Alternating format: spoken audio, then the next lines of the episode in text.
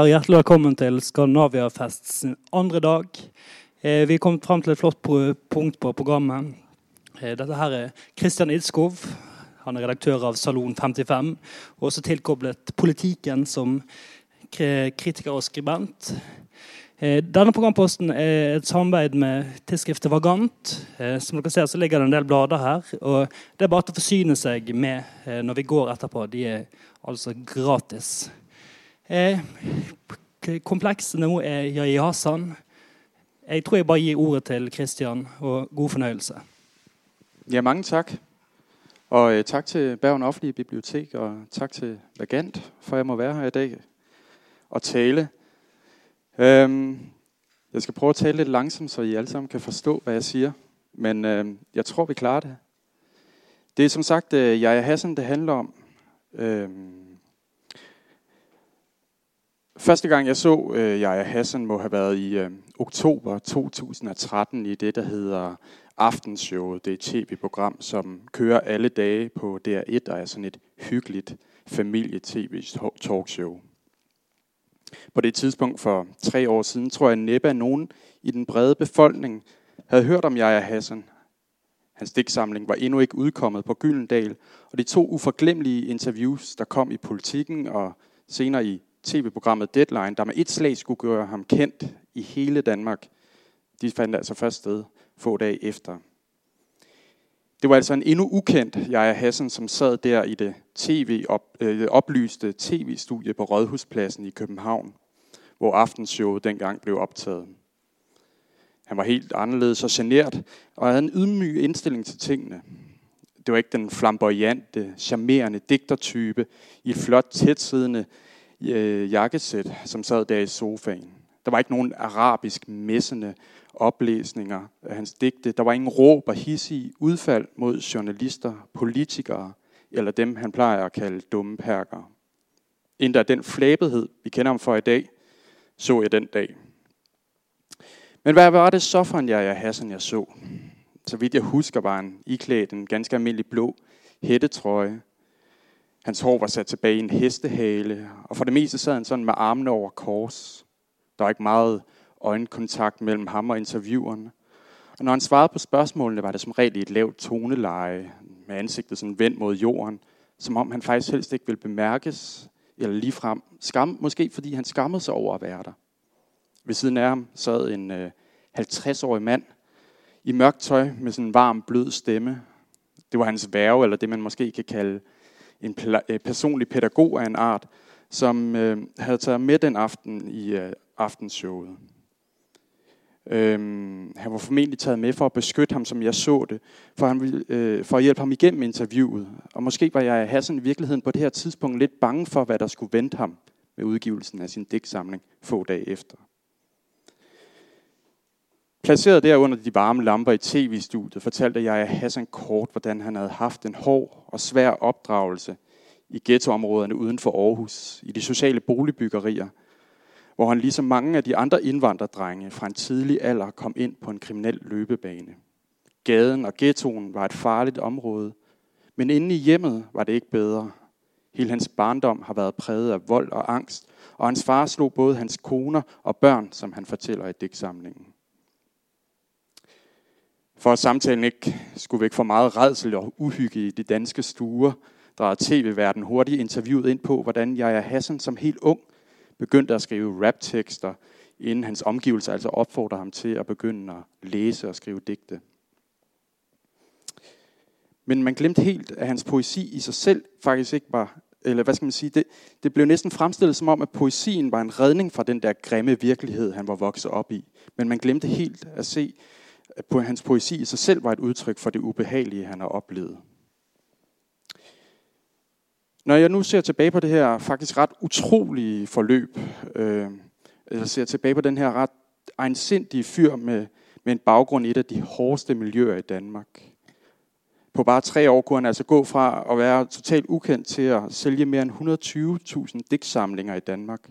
Hvordan den her indvandrerdreng, der stort set hele sin ungdom han har opholdt sig på institutioner for særligt u, øh, udfordrede børn. Hvordan han kunne gå hen og blive politiker, ja sågar folketingskandidat, endda med udenrigspolitikken som primært stofområde, for senere at forlade politik igen. Alt sammen inden han altså er fyldt 22 år. Ja, det er næsten utroligt at tænke på, hvordan den her strålende digter har formået at bryde med hele sin baggrund, alt det han kendte, om det var dansk eller palæstinensisk, for så alligevel at ende der, hvor han måske allerede har tilbragt alt for mange dage i fængslet, nu i færd med at afzone en voldsdom på et år og ni måneder, efter han skød en 17-årig dreng i foden i foråret, blot få meter fra, hvor han voksede op i Trillegården lidt uden for Aarhus. For at forstå den her fuldkommen aparte historie, hvad han har været igennem, tror jeg, det er vigtigt at se på, hvordan den danske offentlighed tog sig ud i 2013, da en stiksamling udkom. Ikke fordi jeg mener, at man skal se Jaja Hassan som et produkt af sin tid. Tværtimod, jeg mener nærmere, at han var medvirkende til et kulturelt og politisk brud i sin egen tid. Siden 2006, altså i næsten seks år, havde de danske medier kredset særligt om et emne, nemlig Mohammed-krisen, som I sikkert også har bemærket heroppe i Norge. Som I ved, havde Jyllandsposten i september 2005 trykt 12 karikaturtegninger af profeten Mohammed, som altså ikke blot sat fod i diskussionerne i det danske hjem, men som simpelthen udviklede sig til en global krise, da øh, der var øh, blevet sat ild til øh, de danske ambassader i Syrien, Libanon og Iran. I perioden under og efter Mohammed-krisen diskuteredes det overalt, om den danske regering havde grebet rigtig ind over for protesterne i Mellemøsten, men også i de danske muslimske samfund. Ingen betvivlede Jyllandspostens ret til at trykke tegningerne, men i cirka halvdelen af den danske befolkning, ja, anført af den øh, konkurrerende avis Politikken, der mente man, at tegningerne var en unødvendig provokation, sat i værk af en række såkaldte ytringsfrihedsfundamentalister, som gik Dansk Folkepartis ærne. Humanisterne og Venstrefløjen havde i vid udstrækning den holdning, af Jyllandsposten og deres borgerlige sympatisører brugte deres dominans og magt til at fornedre og fremmedgøre muslimske minoriteter i landet. Det var ikke den rette måde at bedrive integration og inklusion på, mente mange på venstrefløjen. For højrefløjen derimod var Mohammed-tegningerne et nødvendigt slag i hele den der store kamp for de demokratiske principper, ytringsfrihed for eksempel, som de her borgerlige stemmer egentlig mente, at øh, de øh, muslimerne ikke havde anerkendt, eller i mindst ikke levet efter. Da jeg Hassan trådte ind på offentlighedens scene i Danmark i 2013, var det med andre ord et land i oprør med sig selv, kan man sige. Det var splittet midt over i de her værdipolitiske diskussioner. Mindst 10 år var altså gået med at diskutere udfordringerne med muslimsk indvandring og integration. Ganske vist var de fleste, eller værste skamysler begyndt at lægge sig efter Mohammed-krisen. Men da jeg Hassan i interview med politikken få dage før hans digtsamling udkom, fortalte om hyggeleriet, om svindleriet, om kriminaliteten blandt muslimer i det socialt belastede boligområde, hvor han er vokset op, ja, så kom der jo selvfølgelig på ny liv i debatten. I interviewet med politikken, der øh, fortalte jeg Hassan om det, han kaldte rådenskaben i ghettoerne. Se bare, sagde han, og jeg citerer, hvor hvordan mange i underklassen opfatter velfærdsydelserne af staten, samtidig med, at voksne mænd kan recitere hele Koranen, går i moské hver dag og spiller hellige, er der ingen kvaler forbundet med at snyde og bedrage systemet, især når det handler om at få, de, få tildelt førtidspension. Den sociale rådenskab er gennemgribende, sagde han. Jeg tror, der var mange, som på det tidspunkt opfattede Yahya Hassans udfald som en voldsom kritik af de muslimske troende og deres arabiske kultur. Selv jeg havde til at begynde med svært ved at se forskellen på de karikaturer, som Jyllandsposten trykte, og på den kritik, som Yahya Hassan kom med. Og det var ikke bare mig.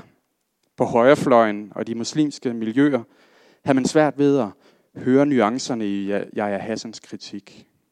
I Jyllandsposten sagde han sådan her, nogle dage efter interviewet i politikken, jeg lige har omtalt. De går til fredagsbøn, altså indvandrerne, dem han kender fra de socialt belastede områder.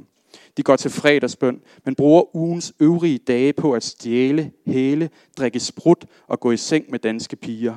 Når de sidder i fængsel, bladrer de lidt i Koranen, anskaffer sig en bedekæde og optjener gode gerninger, så de kan begynde forfra med alt det. Citat slut. For mange lød det som om, at jeg Hassans kritik var rettet konkret mod den muslimske kultur, og at han over en kamp gjorde de danske muslimer til både kriminelle og vantro. Af mange blev han beskyldt for at tegne et forvrænget billede af, af, af hvordan tingene var i de danske indvandrermiljøer. Og mange, man fornemmede sådan ret hurtigt, at der var en utrolig vrede ved at stige op i, øh, i det her bagland, hvis man kan kalde det det, han kommer fra. Men det var ikke det hele. Efter sin optræden i, i tv-programmet Deadline, få dage senere altså, der modtog han 27 dødstrusler. På grund af det blev han med det samme et ytringsfrihedssymbol. Og på højrefløjen mente man at se en allieret i ham. Ikke fordi han kritiserede den muslimske, ikke bare fordi han kritiserede den muslimske kultur, men fordi han samtidig insisterede på ikke at lade sig knægte af de her trusler fra de muslimske urostiftere. Ja, man kunne nærmest fornemme jublen i de borgerlige kredse i Danmark. Endelig var der en, der, der, der ligesom turde træde ud af egne rækker og kritisere den muslimske kultur. Men det var ikke kun på den borgerlige side, at man forsøgte at omfavne den her unge digter. Øh, avisen Politikken som jo er blevet kaldt systemet politikken, fordi det er sådan en, det er bare meget mere end en avis, man øh, propaganderer i, i alle mulige sammenhænge for, for især en humanistisk kulturradikal arv. Men avisen Politikken, som under Mohammed-krisen jo mente, at det var unødvendigt at provokere muslimer, de forsvarede nu Yahya Hassan, ikke bare i ledere og kommentarspalter, de inviterede ham også til arrangementer i politikens hus, omfavnede ham, nærmest som om han var en ny viderefører ja, af den her humanistiske kulturradikale arv, som altså i begyndelsen involverede rigtig meget religionskritik. Jeg tror ikke, det er nogen overdrivelse at sige, at alt handlede om Jaja Hassan i de her dage efter hans udgivelse af digtsamlingen. Øh, dagligt kunne man læse i de danske aviser om, at nu udtaler jeg Hassan sig sådan her og sådan her. Nu blev det her arrangement aflyst på grund af sikkerhedshensyn. Øhm, og trusselsniveauet var i den her periode enormt højt. Den 18. november 2013, der gik alle medier i gul alarm og breaking news simpelthen, da det kom frem, at en ung mand havde overfaldet, eller en ung mand med, med muslims baggrund havde overfaldet Jaja Hassan på hovedbanegården i København – mens han råbte vantro af digteren. Overfaldsmanden var en tidligere terrordømt med indvandrerbaggrund, og selve overfaldet betragtede mange i det politiske felt som et nyt angreb på ytringsfriheden. Hvilket også var øh, det, den endelige dom over overfaldsmanden stadfæstede. Efter den her episode, der kom en række liberal borgerlige øh, meningsdannere intellektuelle på banen, blandt andet ham, der hedder Frederik Stjernfeldt, men også forfatteren Birgitte Kosovits, som har udtrykt sig meget i sammenhæng, hvor det handler om ytringsfrihed. De spurgte, hvordan det kunne være, at venstrefløjen, altså venstrefløjens humanister, valgte at forsvare Yahya Hassan, når de tidligere havde taget afstand fra yderliggående islamkritiske debattører som Lars Hedegaard eller Jyllandspostens tegner Kurt Vestergaard, som begge har været udsat for øh, forsøg på morforsøg. Ja, for, for øh, morforsøg, ikke? Var det, de spurgte simpelthen, var det ikke et mindste hyklerisk eller dobbeltmoralsk, når venstrefløjen ikke også forsvarede de, deres ret til at ytre sig, altså Kurt Vestergaard og, og øh, Lars Hedegaard. Selv skrev jeg en øh, artikel i Vagant, bare på netsiden dog, øh, i den anledning, hvor jeg forsvarede jeg Hassans kritik mod den der ensidige, næsten deterministiske indstilling, som Lars Hedegaard og andre i overvis har kritiseret de danske muslimer med. Selvfølgelig er det ikke på nogen måde i orden, at nogen trues på livet på grund af, hvad de siger. Men det at forsvare andres ret til at ytre sig indbærer ikke, som jeg ser det, at man ikke må kritisere deres ytringer. Som jeg skrev dengang i Vagant, så indtager Lars Hedegaard og hans meningsfælder den problematiske holdning, at den muslimske kulturs problemer nedstammer enten fra biologien eller Koranen, som han fortolker på samme måde som de mest dunkelsindede imamer i Saudi-Arabien. På den måde generaliserer han og hans islamkritiske debattører helt vildt. Øh, øh, og de, de, hvad skal man sige, de, de tillægger ikke også muslimerne sådan dybt essentialistiske øh, egenskaber, der betyder, at deres liv på en eller anden måde er forudfattet bare på grund af deres religion. Men for dem at se, var der, havde det, sociale, det sociale ikke nogen indvirkning på det enkelte individ. Ifølge Hedegaard øh, kan de muslimer og indvandrere, der er i Danmark, ikke bryde ud af deres egen formørkede kultur. Sagt på en anden måde, hvor Hedegaards kritik hænger sig i dogmatiske, absolute forestillinger om muslimer og islam, så er jeg Hassans øh, lyrik og samfundskritik interesseret i den kulturelle ambivalens, i den enkelte skinreligiøsitet og sociale forskelle.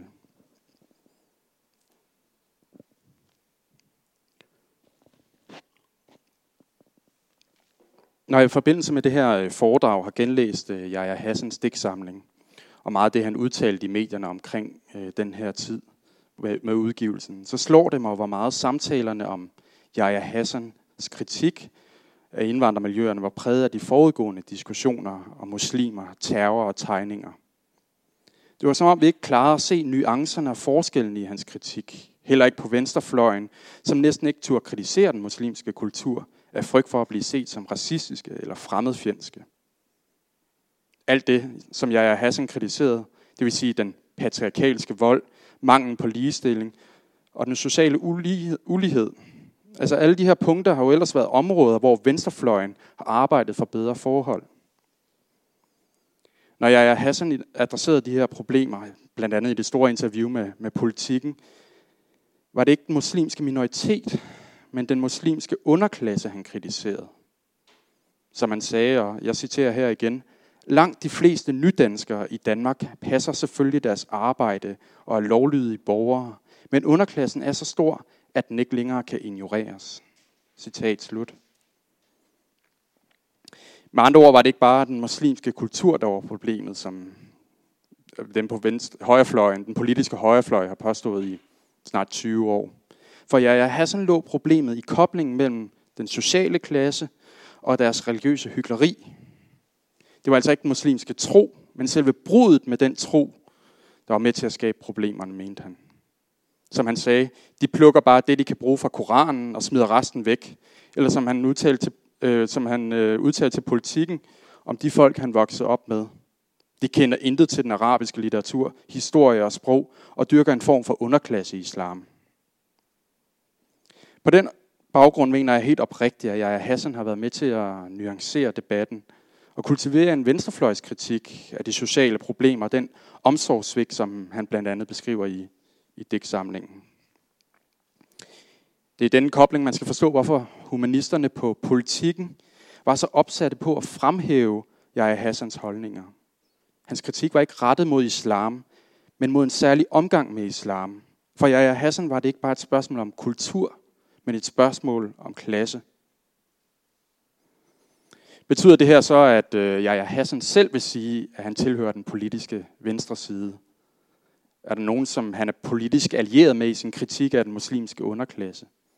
Vi kan måske finde nogen i Danmark, der vil mene, at de er allieret med Jaja Hassan. Men jeg tror ikke, vi kan finde nogen. Jeg tror ikke, vi kan, øh, jeg tror ikke, Jaja Hassan selv vil sige, at han er allieret med nogen. Han har på intet, intet tidspunkt ønsket at være talsmand for nogen, indtil han meldte sig ind i det selverklærede parti, Nationalpartiet, der blev stiftet i 2004 af de tre dansk-pakistanske brødre Amir, Asif og Kashif, alle med efternavnet Ahmad, som en modreaktion på den højredrejning, som flere partier har taget på udlændingeområdet. Jaja Hassan har med andre ord hele tiden afholdt sig fra at være en af danskerne, så at sige. På trods af sin kritik af den muslimske underklasse, har han paradoxalt nok hele tiden holdt fast i sin egen baggrund. Man kan også sige det på den her måde. Han har på den ene side ikke ville være som sine egne, men på den anden side har han heller ikke haft ønske om at være som andre. Denne kulturelle ambivalens, den her splittelse i ham selv mellem den danske og den muslimske kultur, ja, det mener jeg kommer til udtryk i mange forskellige sammenhænge. I digtsamlingen for eksempel, der vender han flere gange tilbage til det der med at være dansker. Det er for ham en umulighed, som andre begynder, de, de ser ham som, begynder at se ham som dansker, hans familie, søskende osv., når han bryder ud af de her sociale mønstre og begynder at anlægge evner eller egenskaber og sådan noget, som man kun kender måske danskerne for. I digtet øh, Tvangsfjernet i øh, digtsamlingen her, skriver han sådan her, i, og det er altså hans søskende, I ringer og kalder mig skiftevis bror eller dansker. Vil vide, hvad jeg laver på opholdssted. Men kender vi egentlig hinanden? Har vi andet end smerten til fælles? Nu er I blevet store og smukke, og jeg er åbenbart blevet dansker. Men kender vi egentlig hinanden? Det er længe siden, at vi kom ud af det hul. Det kan, vi, det kan vel ikke holde sammen på os. I de interviews, jeg og Hassan har givet, har han hele tiden holdt fast i, at han ikke har ønsket at blive fremstillet som det, vi kalder en præmieperker. Det vil sige en muslim, der har kastet sin egen muslimske kultur fra sig og fuldstændig integreret sig i den danske. Han har heller ikke lyst til at, har haft lyst til at blive set som et forbillede eller en rollemodel for sin egen generation af nydanskere, som vi kalder det. Han har grundlæggende ikke ønsket at være andre end sig selv, formentlig fordi han er godt klar over, at hvis at hans identitet kan bruges, særligt i politiske sammenhænge. Ser man på mit liv i dag, er jeg på en måde gået fra at være underklasseperker til at være overklasseperker, har han sagt til politikken. Denne perkeridentitet har han, som jeg ser, hele tiden holdt fast i. Da han blev overfaldet på hovedbanegården i 2013, ønskede han for eksempel ikke at anklage den unge overfaldsmand for det, han havde gjort. Formentlig på grund af ren og skær sympati med ham. Han har formentlig haft mere forståelse for den her overfaldsmand, end selve det, og end selve ordensmagten. Han har haft mere tillid til det egentlig. At det skulle glide ud i sandet, kan man sige. Ikke? Og da Omar El Hussein skød og dræbte to personer i terrorangrebet i København for i år, udtalte jeg af Hassan, at man selvfølgelig skal nedkæmpe sådan en idiot. Men jeg forstår ham. Han var fanget på bunden af samfundet, ligesom jeg, sagde han. Jeg Hassan lever med andre ord med, den, med at være den her enormt eftertragtede, men også enormt udskældte indvandrer omgivet af et kaos, som må være umuligt svært at bringe orden i, tror jeg. I de tre år, der er gået, siden digtsamlingen udkom, er jeg af Hassan konstant blevet udspurgt om, hvilken rolle det er, han ønsker at spille. Den danske litteraturanmelder Lars Bugdal mente i sin anmeldelse af digtsamlingen, at jeg af Hassan bedriver en form for identitetskarnevalisme. Og andre har ment, at det ikke er tydeligt, hvornår han er digteren jeg er Hassan, hvornår han er palæstinenseren, jeg er Hassan, hvornår han er politikeren, jeg er Hassan, og dernæst mediekloven, jeg er Hassan. Senest han i foråret begyndte at lægge en masse videoer og billeder op på sin Facebook-væg, spurgte politikens kulturkritiker Katrin Hornstrup Yde, om man kunne starte sit eget, om han var, om han var startet sit eget reality-tv blot med Facebook øh, som platform pludselig kunne være på hans Facebook-profil se, hvordan han iklædte sig skudsikker vest og tog hættetrøje på. Hvordan han troede andre indvandrere i miljøet ude på gaden. Man fornemmede, at noget var i, i, i gæring, ikke? at han var forfulgt og, og ikke selv havde kontrol over situationen. I det hele taget virkede det meget farefuldt. Men man havde også samtidig den der oplevelse af, inklusive mig selv vil jeg sige, at det var en, en form for spil, en slags leg for ham, det her. Ikke mindst fordi han nærmest koketterede med, at han var kommet tilbage til gadens og ghettoens hårdkogte miljøer. I dag ved vi, at det ikke var nogen leg. I september i år blev jeg Hassan idømt et år og ni måneders fængsel for at have skudt en 17-årig dreng i foden. Jeg og Hassan mente, at han skød i selv, selvforsvar, og selvom retten øh, afviste, at det skulle være sket i nødværve, så ligger der rigelig dokumentation for, at jeg Hassan var kommet ud i problemer med indvandrermiljøerne i Aarhus. Jeg tror ikke, man skal se Jaja Hassans vej gennem offentligheden som en leg med identiteter. Ganske vist kender vi ham både som bohempoet og som kriminel og som politiker eller statsløs palæstinenser, der heller der ikke har lyst til at være dansker. I bund og grund tror jeg, at Jaja Hassan ikke gør nogen forskel på alle de her identiteter. Ganske enkelt fordi han ikke ser flere identiteter. De er alle sammen smeltet sammen hos ham. Da han i sin tid indkaldte til pressemøde i forbindelse med, at han meddelte sit kandidatur til det danske folketingsvalg, læste han en time op for pressen, som om han havde inviteret journalisterne til en digtopsamling, øh, aften, øh, digtoplæsningsaften. I stort set alt, hvad jeg og Hassan har foretaget, ser vi en sammensmeltning af forskellige niveauer. Der er nærmest ingen forskel på, på virkelighed og fiktion, uanset om det kommer til udtryk i digtsamling, i tv eller på Facebook. Selvfølgelig kan vi identificere nogle retoriske og nogle øh, kunstneriske virkemidler, Men, øh, men man må ikke se bort fra, at han i sin politiske øh, taler i overvældende grad har hentet inspiration fra digtningen, mens han digtning, hans digtning kun forholder sig til en virkelighed, han selv har gennemlevet. Sine for hele den her sammensmeltning af virkelighed og, fiktion, så bærer hans digtsamling øh, navnet Jeg er Hassan jo, præcis som forfatteren selv, fordi der ikke er forskel på forfatteren og den person, som værket fortæller om. Det her bliver mit sidste spørgsmål. Hvordan skal vi forstå Jeg er Hassan som fænomen i vores tid? Hvad er det ved Jeg er Hassan, som taler så voldsomt til os? Og hvad er det, der, der gør, at vi interesserer os så meget for ham? I en tekst, jeg skrev for mit eget tidsskrift, øh, Salon 55, for cirka et halvt år siden, fremlagde jeg den idé, at jeg er Hassan personificerer både vores afsky og begejstring for det moderne menneske. Jeg tror, der er mange, der vil sige, at fængslingen af den unge digter er den naturlige endestation på hans kriminelle løbebane, der går helt tilbage fra hans unge år. En gang kriminel, altid kriminel. Andre vil se beundrende på hans løsrivelse fra samfundets normer. At han ikke kender nogen respekt for hverken myndighederne, nogen autoriteter eller hele sin baggrund. At han faktisk i hele sin tilværelse frem til nu har forsøgt at eksperimentere, at han har haft et opgør med sig selv. Alt det, han kommer fra, uanset om det er dansk eller palæstinensisk. Den tyske filosof Peter Sloterdijk har i øh, sit gigantiske essay De schrecklichen Kinder der Neuzeit, modernitetens skrækkelige børn, skrevet om udviklingen i det moderne vestlige samfund. Moderniteten er for Sloterdijk kendetegnet ved, at vi i stigende grad løsriver os fra slægtskaber, at vi fornægter vores arv, og i det hele taget næsten foragter sådan for forbilleder og traditioner.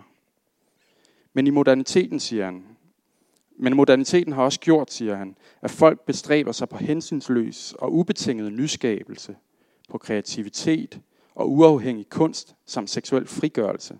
Kort sagt, vi efterstræber frihed. I midten af det her ser Sloterdijk en masse såkaldte bastarder, øh, som tvinges til at være frie, fordi de fornægter deres arv, øh, og derfor må finde nye måder at forme sig selv og, og deres verden på. Det er Sloterdijks idé, at vi i moderniteten har fået et, et overskud af virkelighed, som han skriver. En masse løsredet energi, som før var knyttet til slægtskaber og traditioner. Før var folk knyttet til deres fædrene gård, og måtte blive på den gård, hvor i dag, der må vi selv skabe vores egen karriere, vi må selv øh, ligesom skabe os selv som vi også har set med borgerskabet, så havde de jo en masse rettigheder og ejerskaber, de havde en status. Men det er altså ikke længere noget, der, der er dem for, øh, som, som de kun har. Altså, de her ting er ikke kun begrænset til de privilegerede. Øh, men løsrivelsen har altså medført, sådan et, som Sloterdijk siger, et affald af ressourcer, der uundgåeligt kaster kaos af sig og giver verden en masse uhensigtsmæssige konsekvenser. Den er blevet mindre forudsigelig. Lynet kan slå ned altid, siger vi. Med andre ord står vi i moderniteten over for en virkelighed, vi ikke kan forskanse os imod, og som derfor henvender sig bedst til de udfarende, kreative bastarder, de faderløse sønner, som hunger efter anerkendelse med andre ord. Virkelig løsne, driftige typer som jeg er Hassan. Som sloterdijksbestarter har jeg Hassan langt hen ad vejen formået at omsætte den energi og det overskud af virkelighed, som mange af os andre måske frygter. Jeg er Hassan, den her statsløse palæstinenser med dansk pas, har med andre ord vist, hvad det vil sige at være far til sig selv i en tid, der kalder på hensynsløs og ubetinget selvhævelse. Ja, øh, han, han er Arndt, den øh, tyske filosof, der måtte flygte til USA på grund af jødeforfølgelsen, skrev engang, at de flygtninge, som rejser fra land til land af folkenes avantgarde. Måske kan vi sige det samme om jeg er Hassan, at han er sit folks avantgarde. For som vi har set i de sidste tre år, der er gået siden hans debut udkom, har han hele tiden udfordret sit samfunds normer, autoriteter og udgjort en slags kulturel foretrop for andre med samme baggrund som han selv i indvandrermiljøet. Efter han i politikken i 2013 opfordrede flere til at træde frem og fortælle om ghettoerne og den muslimske underklasses problemer, har vi set en eksponentiel stigning i indvandrerstemmer i debatten i Danmark. Det gælder for eksempel den feministiske meningsdanner G.T. Amiri, som har talt om kønsulighederne i de muslimske samfund. Eller det gælder måske øh, sociologen Adin Sui, som har skrevet om sig selv og de her unge, vrede mænd, vi også finder i indvandrermiljøerne. Og mange flere af den slags meningsdannere på vej. Det er helt tydeligt. Jeg Hassan lavede med andre ord altså ikke bare et, et digtrisk gennemslag han, med et salg på over 120.000 digtsamlinger. Jeg mener, han har stået for et reelt opbrud i den politiske debat. En debat, som indtil hans frembrud altså var låst i velkendte positioner, hvor den danske muslimske minoritet enten var nogen, man skulle provokere, eller nogen, man skulle beskytte. Med Jaja Hassan har vi altså fået en langt mindre fordomsfuld debat.